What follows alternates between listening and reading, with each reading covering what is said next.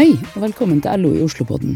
Denne uka kan du høre et opptak av direktesendt Politisk lunsj om Solberg-regjeringa sitt nyeste grep for å privatisere eldreomsorgen.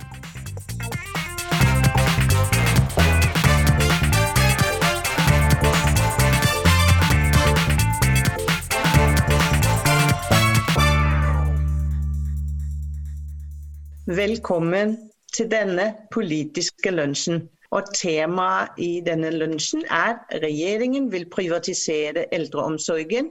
Hva Norge ikke bør lære av Sverige. Regjeringen syns norske kommuner konkurranseutsetter hjemmetjenester og velferd for lite. Derfor har de laget et lovforslag, en standard, slik at private selskaper skal få etableringsrett og rett til å levere standardiserte, skattefinansierte tjenester hvis kommunestyrene vedtar det regjeringen kaller fritt brukervalg. Dette er en politisk lunsj arrangert av LO i Oslo, de facto kunnskapssenter for fagorganiserte, og for velferdsstaten. Jeg er Helene Bank. Jeg kommer fra For velferdsstaten, og jeg skal lede oss gjennom denne timen sammen med eh, Katrine Strindin Amundsen, som er spesialrådgiver i For velferdsstaten. Siri Follerås, som er leder i Fagforbundet pleie og omsorg i Oslo. Og Heidi Bryni-Sveen, som er sykepleier og hovedtillitsvalgt i Fagforbundet Grorud, og ansatt ved bestillerkontoret i bydel Grorud. Så er det sånn at Alexander Kvedalen gjelder i Oslo. Han sitter ved spakene. Først en liten introduksjon. Som jeg sa, regjeringen Solberg har et stort forbilde i Sveriges eldreomsorg innen hjemmetjenestene. Lag om valgfrihet. Regjeringen mener ikke at omsorgs- og velferdstjenester er særlig forskjellig fra andre tjenester som vi kjøper i markedet. Rørleggertjenester, elektrikertjenester, IT-tjenester og annet. De har skrevet det i sin regjeringsplattform. I Norge har nesten alle kommuner valgt å drive selv. Til og med innen sykehjemmene avvikles nå kontrakter med kommersielle drivere i mange kommuner, også Høyre-drevne kommuner. Innen hjemmetjenesten i Oslo er det fortsatt private som konkurrerer med kommunen. Eh, men der også skal vi se litt hva som er erfaringer, og hva som, kan, eh, og hva som eh, eventuelt er regjeringens lovforslag, hvordan det vil påvirke. Kommuner som nå tenker å velge å innføre denne godkjenningsmodellen som regjeringen foreslår, de vil da åpne for en fri etableringsrett for alle som bedriver hjemmetjenester, og som følger kommunens kriterier. Så skal kommunen tildele standardtjenestene, og de skal betale.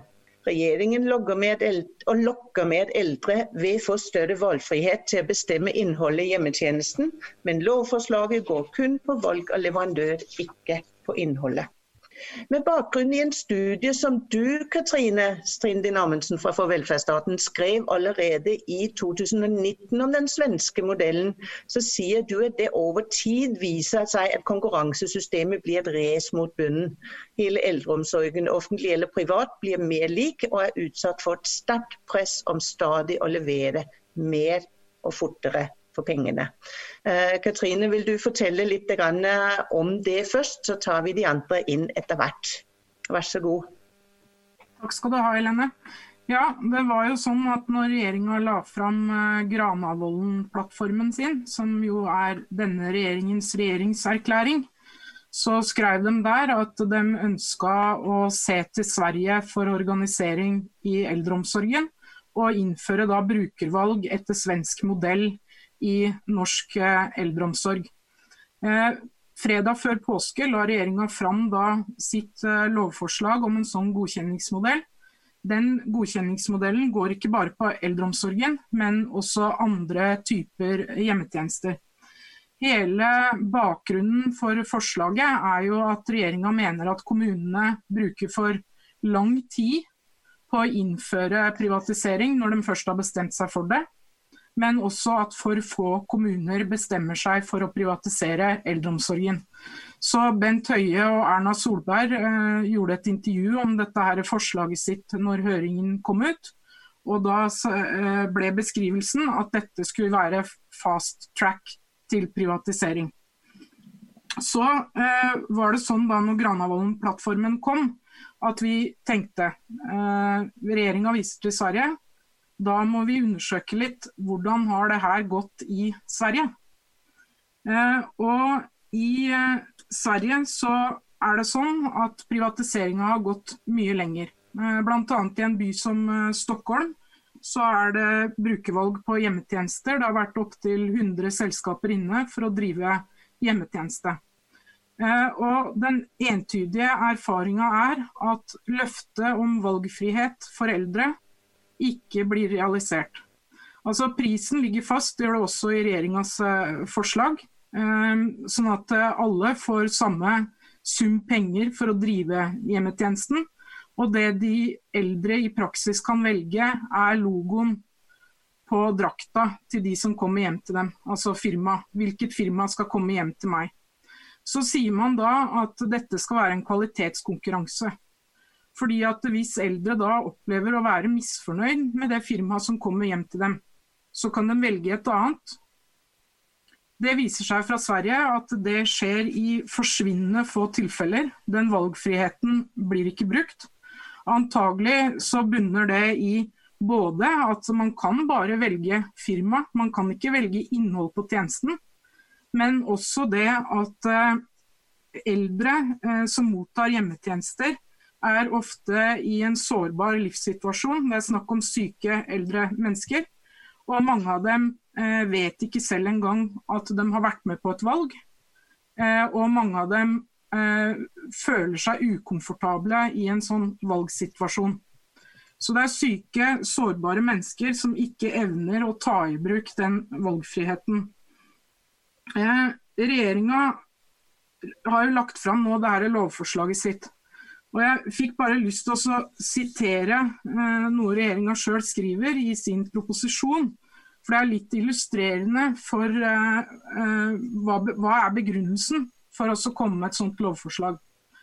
Eh, og Regjeringa påstår ikke engang sjøl at det her er noe som vil heve kvaliteten i eldreomsorgen.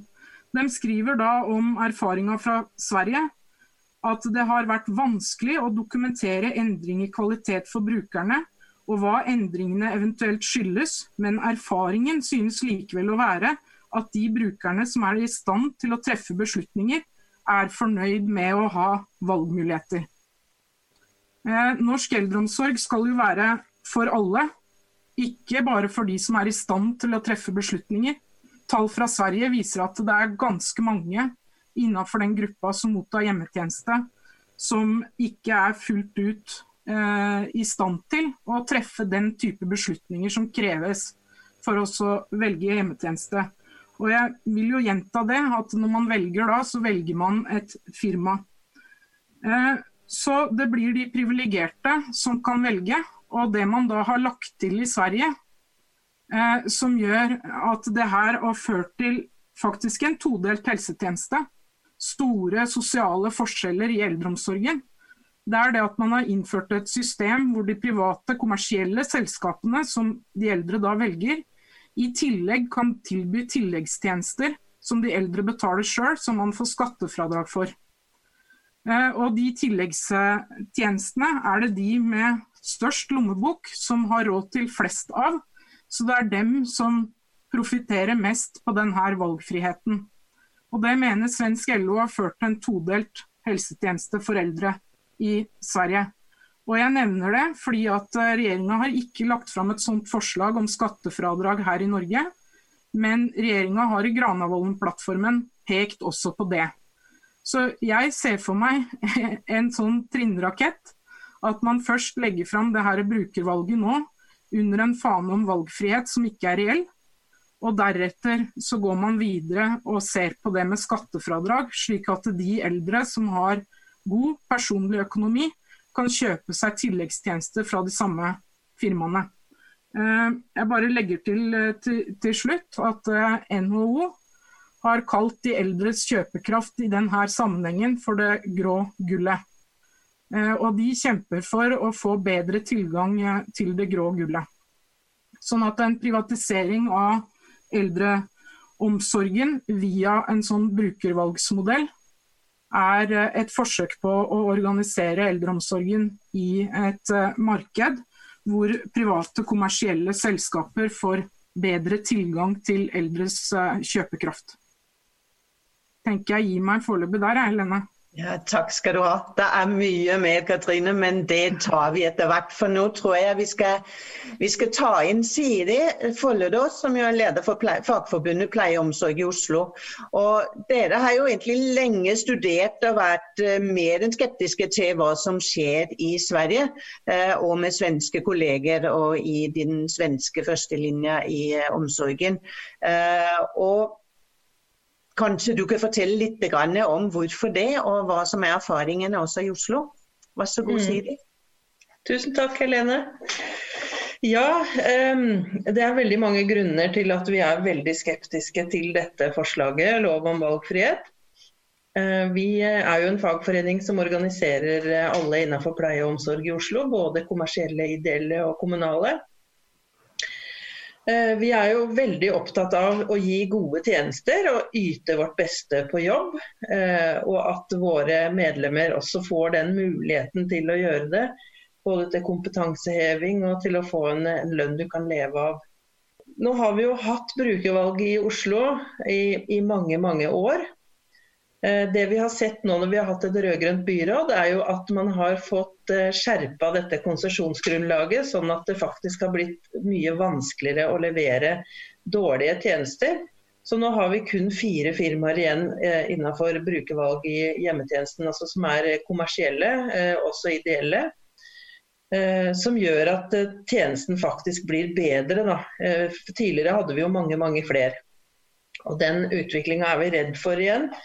Og med dette her lov om valgfrihet, så er vi eh, vi bekymra for demokratiet, rett og slett. Lokaldemokratiet. For når du først har sluppet inn disse firmaene, eh, så er det ingenting som sier at de altså Den eneste grunnen til å bli kvitt dem igjen, er at de på en måte har levert for dårlige tjenester.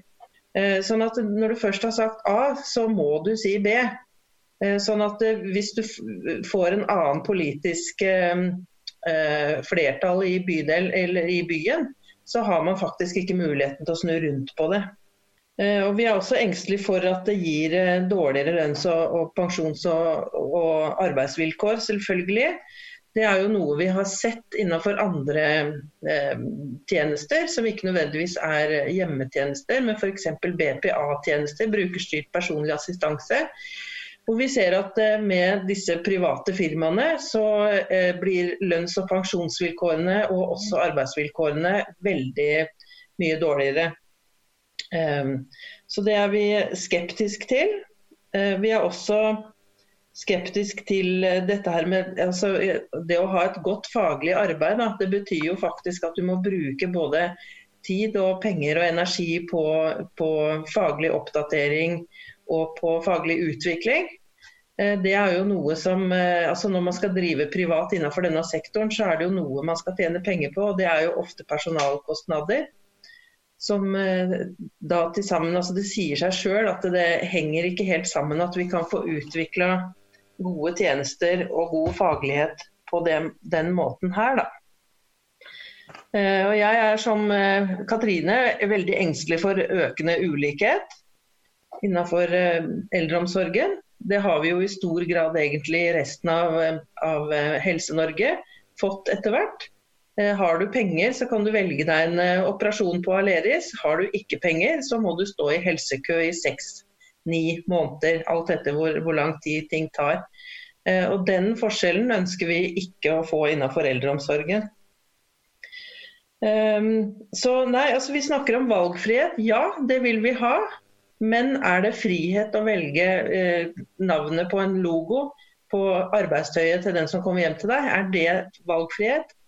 Eller er det valgfrihet eh, å velge å være med på å eh, bestemme innholdet i den tjenesten du skal få sammen med den fagpersonen som kommer hjem til deg?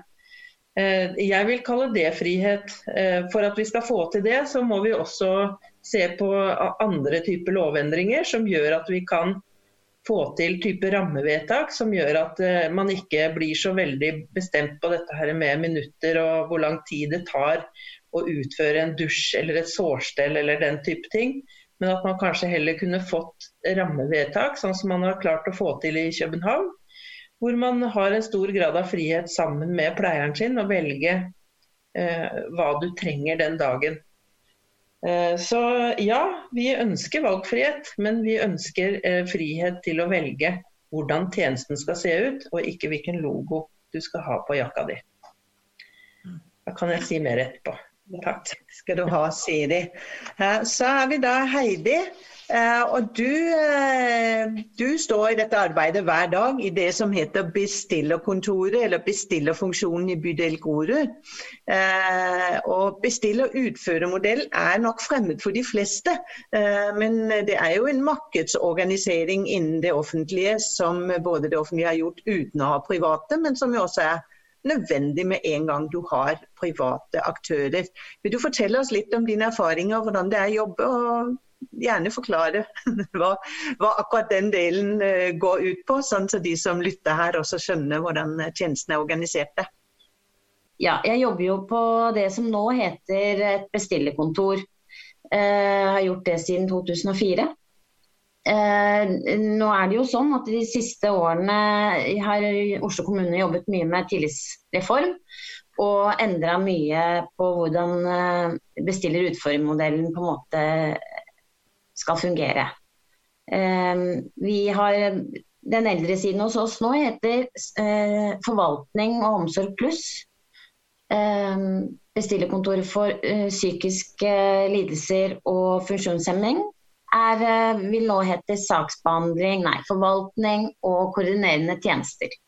Sånn at vi går vekk fra bestiller-utøver og, og, mer på saksbehandling og forvaltning. Eh, dette tenker jeg er noe vi trenger og som er viktig for brukeren. Eh, for det er rettssikkerheten til brukeren, sånn at de får de helse- og omsorgstjenestene man må ha og man skal ha.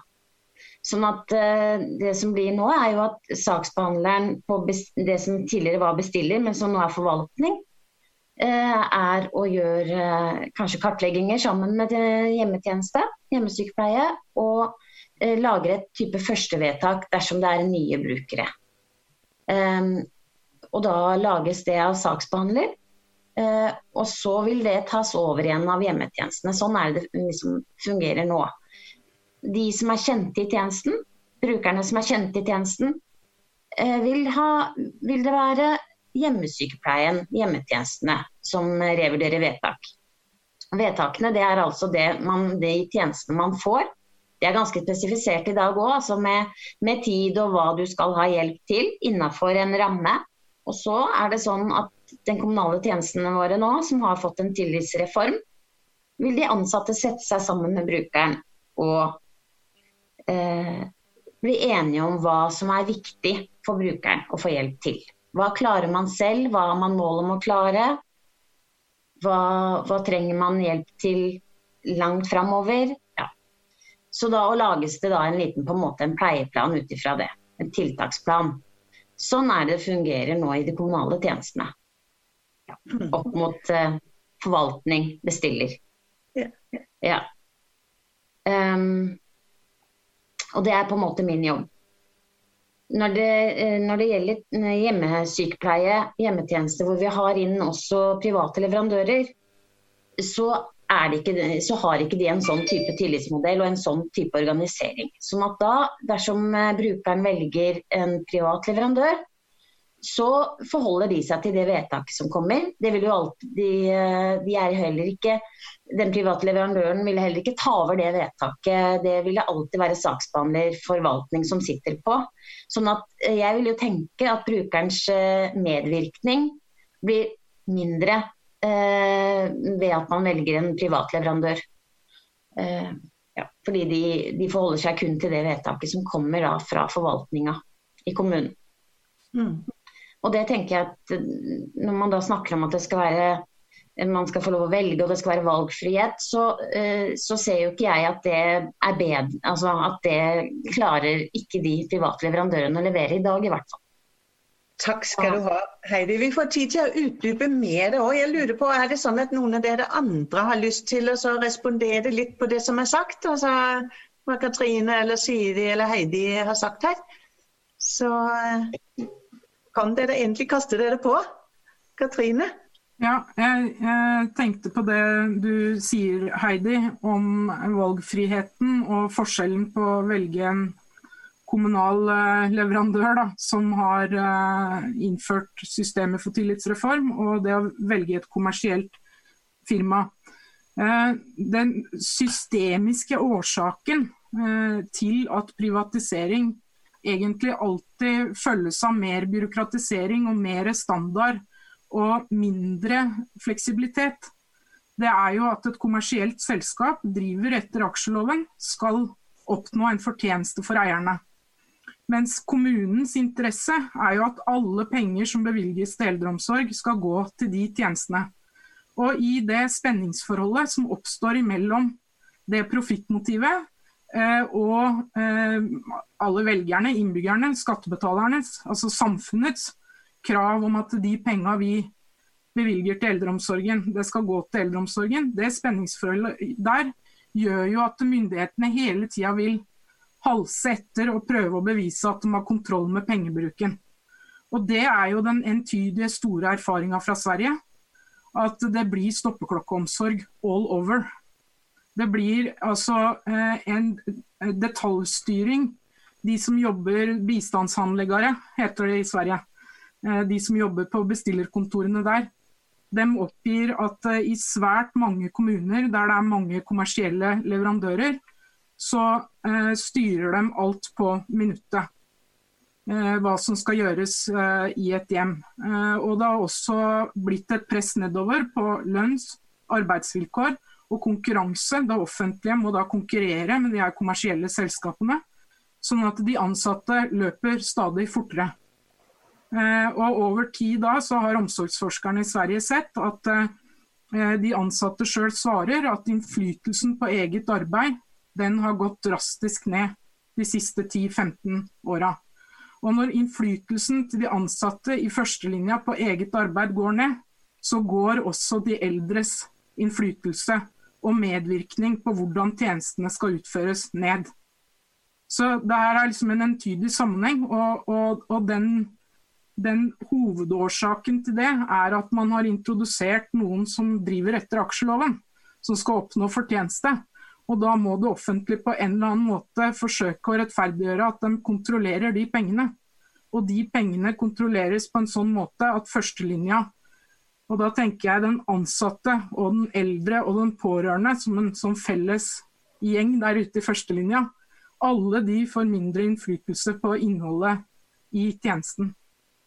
Og Det tenker jeg at Sverige viser oss veldig godt. Og så kommer vi jo sikkert tilbake til Lene etterpå det som Sverige har opplevd nå i, i det seinere i forbindelse med korona og pandemi, og hvor enkelt det er i et sånt system. Mm, jeg tenker det skal vi gjøre det straks. Men Siri og Heidi, har dere Siri, har du lyst til å si noe til det? Altså dette racet mot bunnen, for dere har vel prøvd å hindre det ved å lage tillitsreform. Men samtidig så er jo det blir fort at man sammenlignes og får press på tjenestene. Ja, det gjør det. Og, og det er klart at når eh, private selskaper de, skal, de skal jo drive til samme pris sant, som det kommunale. og Hvis du da i tillegg skal tjene penger, så sier det seg sjøl at det her blir et race mot bunnen, faktisk. Fordi at Hvor skal de pengene komme fra hvis, skal akkurat, altså hvis det skal koste det samme? da? Eh, og Da vil man jo også etter hvert få et press på de kommunale tjenestene. for Hvorfor skal de da drive dyrere? For at alle pengene går jo til omsorg her. Er, de andre klarer å få et overskudd. Eh, så, så da er vi, altså Når vi begynner på en sånn runde, så er vi på vei mot bunnen. altså. Mm. Da tenker jeg takk. Heidi, du også vil si noe her? Nei, jeg, jeg, tenkte egentlig jeg bare skulle kommentere noe annet. Eh, og det var eh, den snakken, snakk om at man eh, til, altså de private leverandørene tilbyr ekstratjenester som kan kjøpes. Det er det jo også nå. og man ser jo de private leverandørene kan, gjør at man, eller brukeren kan velge å kjøpe tjenester ekstra.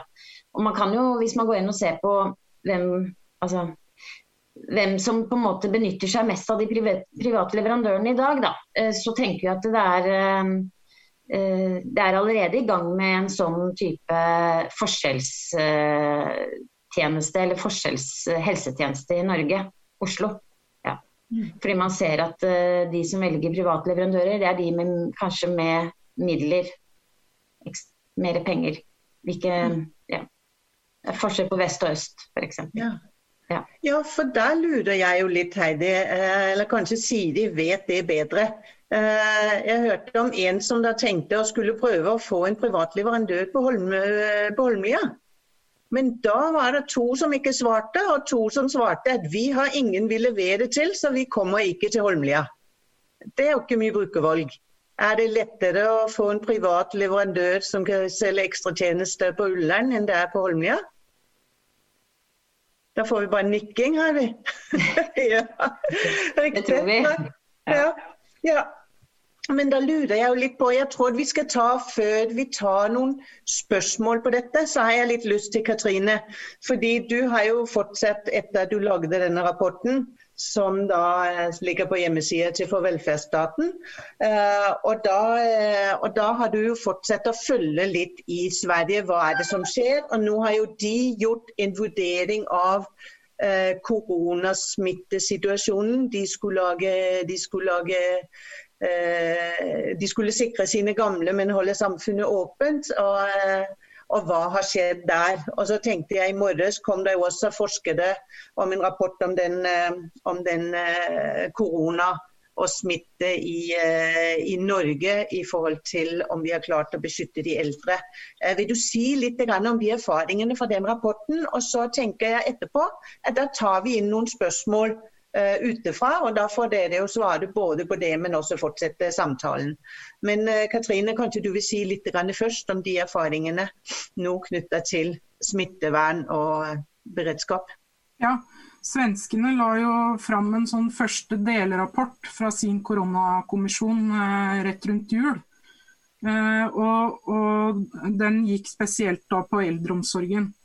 I Sverige så sier de da at i, eh, i den situasjonen med, med stor eh, smittespredning i, i, samfunnet og stort behov for å drive smittevern på sykehjem og i eldreomsorgen, så har den fragmenterte organiseringa av eldreomsorgen eh, bidratt til å gjøre det arbeidet vanskeligere.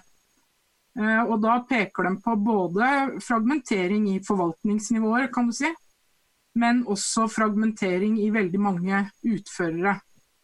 Så har jo svenske Kommunal, som er Fagforbundets eh, søsterorganisasjon i Sverige, gjort en gjennomgang av korona i forbindelse med sykehjemmene i Sverige Eh, og Der peker de på at det er en sammenheng mellom bruk av heltid deltid. Altså det, eh, det er mer Det har vært eh, mer ille situasjon på de sykehjemmene som har mye løse tilknytningsformer blant de ansatte.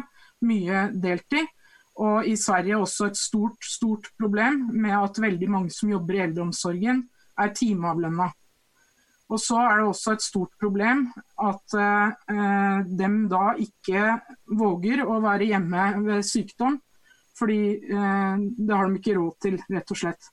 Så eh, også de sykehjemmene der folk har gått syke på jobb, er selvfølgelig, eller i hjemmetjenesten, er jo selvfølgelig svært utsatt under en eh, pandemi.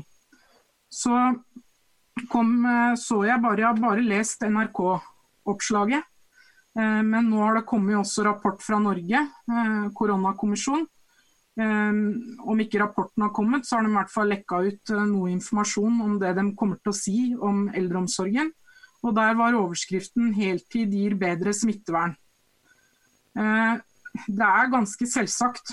Og det er også sånn at heltid gir bedre kvalitet i en normalsituasjon det å ha faglærte, eh, det å ha eh, faste ansatte osv., osv. Det er jo selvsagt det som også gir god kvalitet i eldreomsorgen i en normalsituasjon. Så eh, til, til, det med Sverige, da, så har det vært en stor stor debatt i Sverige, også i forkant av framleggelsen av den eh, koronakommisjonen, hvor man viser til måten man har valgt å organisere eldreomsorgen på, bl.a. med mye eh, kommersielle drivere som har ført et konkurranserace mot bunnen. Hvor de som jobber i eldreomsorgen beskriver jo en eldreomsorg i dyp krise. Og så kan vi si at det, det er også mange varsellamper som blinker i Norge. Eh, men da også gjøre som regjeringa gjør, midt under en pandemi, og se til Sverige for å finne løsningene der. Det tenker jeg er eh, det, det, må være basert mer på ideologi enn fakta. Eh, fordi at Sverige står faktisk enda dårligere stilt da, dessverre, enn en det vi gjør. Så ja, det er ja, Takk skal du ha. Katrine. Eh, nå skal vi se, Jeg har et spørsmål. Eh, nå har det kommet litt spørsmål inn her. og Dere får bare sende, dere som sitter ute der. En som eh, heter Jeanette. Sykepleier, jobbet i offentlig sektor, jobber nå privat. Og Jeanette stiller da spørsmålet i privat sektor må firmaene yte service og kvalitet for å holde på kundene, i motsetning til i det offentlige der, bruk, der bruker må ta til takke med de tjenestene de får, stoppeklokken. Ved å kunne velge vil flere få tilbud om hjelp. Køene vil minke drastisk, men det må stille krav likestilt med offentlige hjemmesykepleie. Det er jo ikke så vanskelig. Det er mange ufaglærte, mye helsefagarbeidere, manko på sykepleiere og hjelpepleiere. Dess flere som får hjelp, dess tryggere og verdigere blir det for de syke og pleietrengende som bor hjemme. Hvorfor hindre brukerne i selv å velge? Eh, det er et spørsmål som jo eh, kommer opp, og jeg vet ikke hvem av dere som føler at dere vil svare. Vi har jo snakka litt om det, men eh, er det ved Siri, vil du starte? Ja, det vil jeg gjerne svare på. fordi Jeg er ikke enig i hennes beskrivelse av at situasjonen er sånn som hun sier. For min erfaring nå som vi har både kommersielle, ideelle og kommunale hjemmetjenester, er jo at eh, de kommersielle sliter vel så mye for å få tak i faglært arbeidskraft som det de kommunale tjenestene gjør. Så jeg er ikke enig i hennes, eh, hennes framstilling av det i det hele tatt. Vi går videre. Det er Veslemøy på Fjordknatten, sier vi her. Og, da, og hun skriver da er det slik at denne saken skal opp i Stortinget i vårsemesteret? Dersom den blir vedtatt i vår, kan den da reverseres av en eventuelt ny regjering? Det er jo egne regler for lovbehandling. Mulig vi må understreke viktigheten av kampanjen nå. Eh, sier da en som er med i minst fem folkelige bevegelser. Eh, er det noen av dere som kjenner til prosessene her og som vil svare på, på, det? Katrine, du har jobbet på Stortinget. Kanskje vi skal spørre om at du kan fortelle hvordan, hva skjer i behandlingen nå? Ja, det Lovforslaget ble jo lagt fram da fredag før påske. Og fredag før påske, da bør man følge med på hva som kommer i Kongen i statsråd, og hva som kommer til Stortinget. Fordi fredag før påske er den siste fristen da for oss å få behandla ting i inneværende stortingsperiode, som det blir nå, da, eh, fordi vi skal ha valg. Så det her kommer til å bli behandla i eh, Stortinget før Stortinget går fra hverandre. Ehm, så det skal behandles nå i, i vår. Det er jo sånn at det, det lovforslaget regjeringa har lagt fram, det er én modell for brukervalg. Eh, de har ikke lagt fram en obligatorisk modell, så kommunene står fritt til om de vil ta i bruk dette lovverket eller ikke. Sånn som Oslo kommune kan fortsette med sine tjenestekonsesjonskontrakter. Eh, det står kommunene fritt til. Eh, men så er det jo sånn da, med snøballer som ruller, at eh, dersom kommunene velger å innføre den modellen som regjeringa nå har lagt fram, så ligger det mye mindre skranker i det lovforslaget enn i de brukervalgsmodellene som mange kommuner i Norge, eller mange, det er ikke mange, det er de store byene stort sett som har surra med dette her. Men eh, det er altså mange færre skranker. Sånn at Det som ligger i lovforslaget er jo forslag egentlig om fri etableringsrett på et grunnlag som, eh, som kommunen fritt stiller. Og så skal da eh, de eh, kommersielle selskapene som oppfyller det grunnlaget, de skal fortløpende kunne innlemmes i ordningen. Det skal ikke være søknadsfrister, det skal ikke være antall noe tak på hvor mange selskaper som skal kunne komme inn osv. Så, videre. så det er en ganske mye mer liberalistisk modell da, kan du si, enn den Oslo f.eks. har. Så Det tenker jeg er veldig viktig at alle lokalpolitikere forstår. at eh, for det første så er det ikke smart å innføre brukervalg på denne måten, som egentlig vi kaller det brukervalg, men det er privatiseringsreformer. Det er ikke smart i utgangspunktet. Det er smartere å innføre brukervalg innenfor offentlig egen eldreomsorg. Men, men eh, man må også være klar over at det er ganske forskjellige måter man eh, kan innføre det på. og Det regjeringa foreslår at kommunene skal gjøre, er den mest ytterliggående måten å gjøre det på. Eh, og så til det om det kan reverseres. altså Alle lover kan jo Stortinget endre eller oppheve. eller men det er altså en frivillig modell, så jeg tenker at hvis det lovverket skulle bli stående, så blir jo det her kampen i neste kommunevalg, kanskje. Særlig i byene, hvor høyresida vil innføre dette, og, og, de andre kanskje ikke. Så jeg tenker at det er viktig å sette seg inn i hva som her foreslås, og ikke la den snøballen begynne å rulle. Uh, og mobilisere motstand der, eh, der ute. Da. Takk skal du ha, Katrine. Jeg tenker jo litt sånn, eh, Vi hadde jo Linda Hofstad Helleland. Hun snakket jo en gang om en tannpastatube som, som denne regjeringen skulle sørge for å presse ut politikk av, sånn så Arbeiderpartiet ikke kunne dytte det inn igjen. Jeg får jo litt assosiasjoner til det i den sammenhengen her. Men Siri, nå tror jeg vi skal prøve å ta frem litt sånn, hva er det vi ønsker oss? Hvordan drømmer dere om at velferd kan ytes til de som trenger det i sine hjem? Eh, og hvordan definerer eh, Fagforbundet i Oslo det som man kan kalle tillitsreform i kommunale omsorgstjenester? Vil du si litt om det? Jeg kan si litt om hva vi har diskutert og hva vi ønsker oss. Eh, jeg var litt inne på det i stad, egentlig. Men det handler jo da om at eh, en tillitsreform hvor vi kunne fått rammevedtak som ikke nødvendigvis gikk så veldig mye på, på, minutter, men som gikk på hva slags hjelp har du rett til. Og så er det jo klart at Enkelte medisinske prosedyrer og den type ting kan du jo ikke velge bort. ikke sant? For noen ting må du jo ha. Men, mens andre ting, da, som at eh, hvis du har fått innvilga en dusj i uka, så må du kunne få lov å velge hvilken dag det passer best å dusje.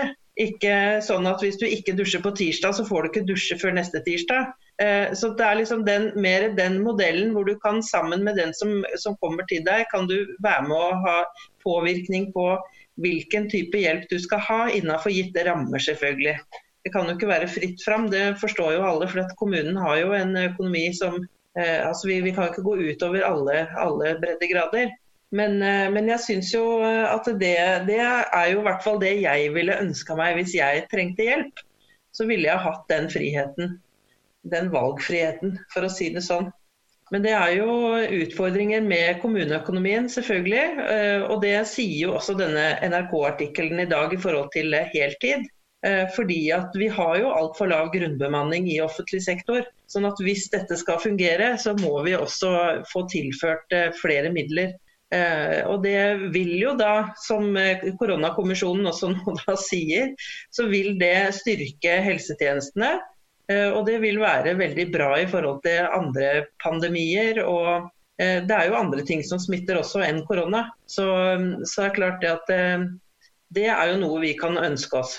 Ikke noe logo, ikke noe den type ting, men vi ønsker oss valgfrihet i hverdagen for den som faktisk skal ha hjelp. Da. Mm. Jeg lurer på, Heidi, Er du enig i dette? Altså, altså, kanskje du kan si litt mer òg. fordi Dere sa at nå, nå, skal dere jo avvikle denne bestille- og utføre-modellen. Men den tida det, det, fremdeles er private leverandører, så må det vel være et sidekontor som holder ut på med bestill og utføre, i tillegg til den kvalitetsutvikling som skjer i, eh, i kommunen. Vil du fortelle litt mer om det? Altså, det trenger jo ikke være et bestillerkontor. Eh, det må være et kontor hvor eh, søknadene om tjenester kommer inn. Eller en, et team, et forvaltningsteam, hvor, hvor søknaden om tjenester kommer inn. Det er noen, altså hvor forvalteren, saksbehandleren sammen med, med utfører gjør gode kartlegginger sammen med brukeren og hva er det man trenger. Og så, kan, så får man et vedtak ut fra det. Sånn at, eh, og dette tenker jeg dette må være om man har en privat eller en kommunal eh, om man har kommunale eller private leverandører. Dette her handler om sikkerheten til brukeren, at den skal få helse- og omsorgstjenester som man har krav på å få. Eh, forvaltningen sitter også og hjelper til med alt klagesaksarbeid hvis man ikke er fornøyd, f.eks. For ja. Sånn at man eh, det, det, er, eh, det, er, en viktig tjeneste for brukeren. Det, vet, det er ikke alltid det kommer fram godt nok, tenker jeg. Man tenker at det her er bare en sånn type som er lagt opp til at man på en måte skal bestille tjenester. Men det er også en uh, rettssikkerhet for, for brukerne i denne, i denne, forvaltningstjenesten vår. Mm. Um, og jeg må jo si meg litt sånn enig med Siri at den biten hvor at min drøm er jo at man skal akkurat sånn som eh, Siri sier, man er nødt til å ha rammer rundt seg på hva er det man har krav på. Men uh, at man kommer skal man egentlig ha hjelp til en dusj på en tirsdag, mens man egentlig er ganske sliten. Man har egentlig bare lyst til å sitte og få og, og prate med noen eller få hjelp til noe annet. At det går an at brukeren får bestemme det selv. Eh, ikke sånn som det er nå at du da snur i døra og går ut, kanskje. Mm. Jeg har ikke lyst på dusj i dag, så går Nei vel, ha det. Mens jeg tenker at eh, jeg har ikke lyst på dusj i dag, men jeg kunne godt tenke meg å sette meg og ta en kopp kaffe fordi jeg har hatt en veldig, veldig tung uke. Så må det være lov. Mm. Så det er min drøm. Ja. Da, er det, da, er det, den økonomiske rammen og rettighetsrammen som ligger i, i, i dette her. Men eh, kanskje altså hvis, hvis, da man ender opp med hvis man ender opp med da 50 private tilbydere, eh, og folk velger de, eh, hva type jobb ser du som jobber i et bestillerkontor? Heidi, hva ser du for deg da? Hvordan ser det ut? Eh, my, veldig mye saksbehandling for meg. Fordi det blir valg på valg på valg. Og det ser vi i dag òg.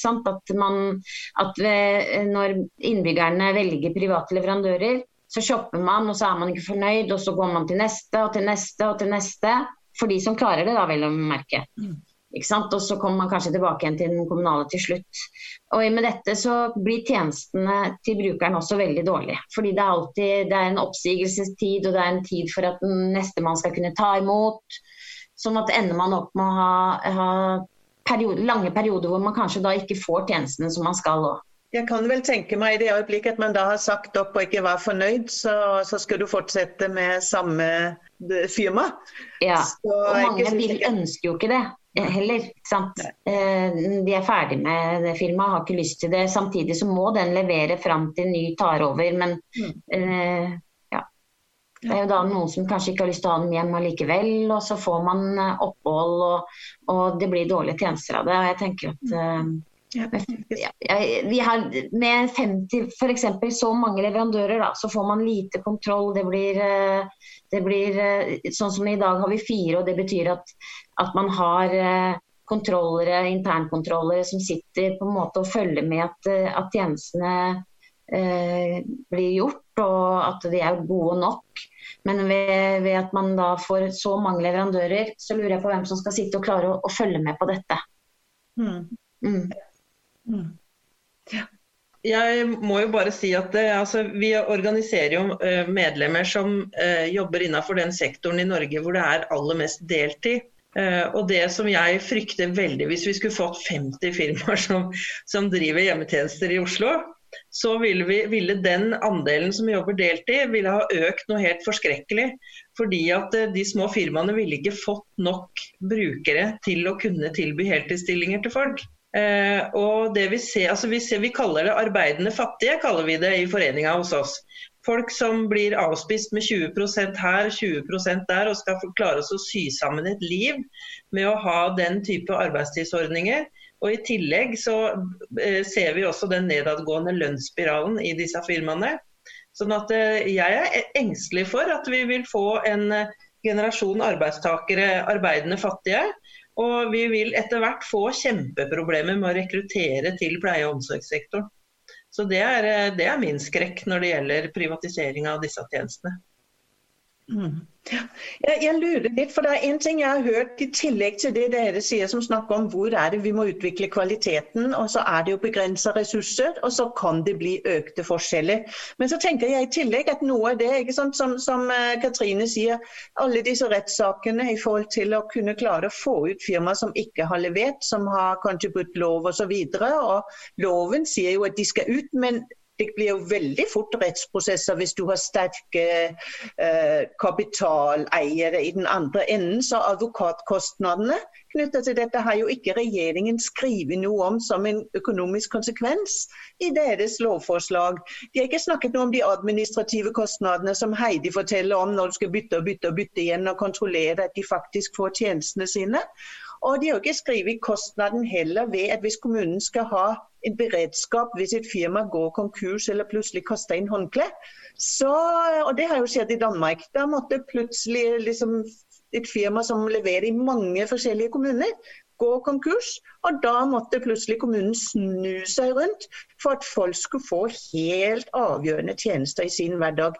Eh, så alle de kostnadene har jo regjeringen ikke fortalt. Men de ønsker seg veldig rask gjennomføring uten for mye utredning av kommunene, slik det står i eh, lovforslaget. Så vi har, en, eh, vi har, jo en, utfordring her i, i, dette her, og det er vel viktig å få inn å få en, eh, en opposisjon som, eh, som, skjønner hvordan kommunene ser ut og, og hva som er best i, i, de nivåene der. Kanskje dere vil bare vi ta liksom i eh, motsatt rekkefølge. Kanskje en liten sånn avsluttende kommentar. Eh, om, ja, dere kan egentlig si akkurat hva dere vil som litt sånn eh, avslutning på den samtalen vi har hatt her. Har du lyst til å starte, Heidi?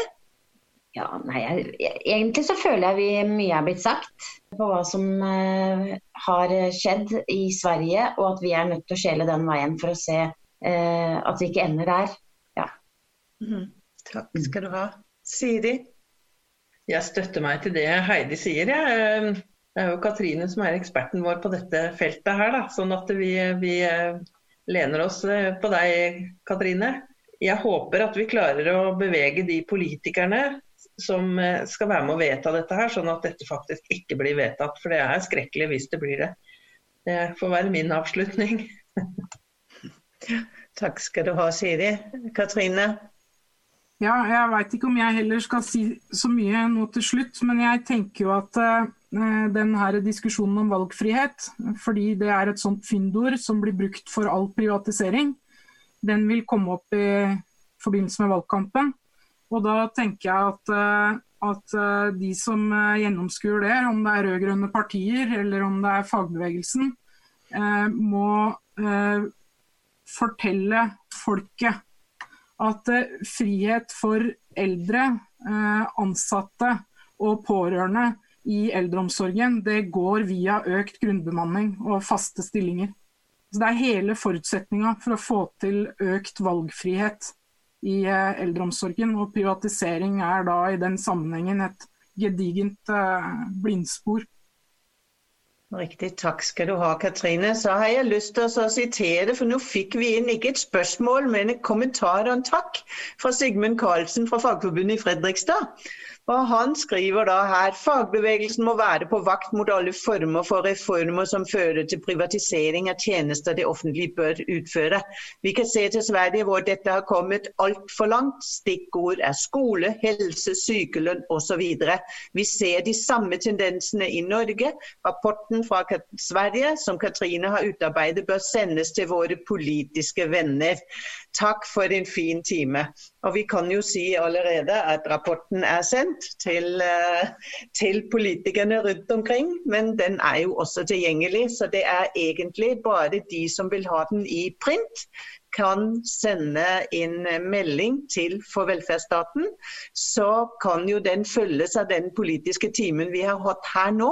Eh, jeg har lyst til å takke veldig til dere tre som har vært med oss nå. Det har blitt en fin samtale.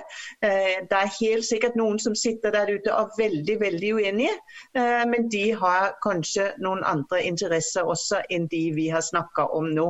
Så takk til Siri Follerås, leder for Fagforbundet pleie og omsorg i Oslo. Eh, Katrine Strindin Amundsen, som er spesialrådgiver i For velferdsstaten. Og Heidi Brynisveen, som er da sykepleier og, jobber, og hovedtillitsvalgt i bydelen Gudorud, og jobber ved bestillerkontoret i bydelen. Tusen takk skal dere ha. Og takk på vegne av oss som arrangerer eh, med LO i Oslo.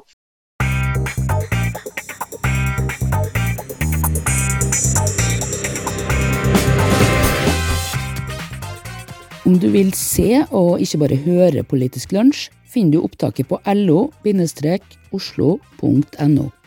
Neste uke skal podden igjen følge opp et av partiene som stilte på politisk pub i desember. Vi skal høre hva Miljøpartiet De Grønne mener om dette og hint. Vi høres!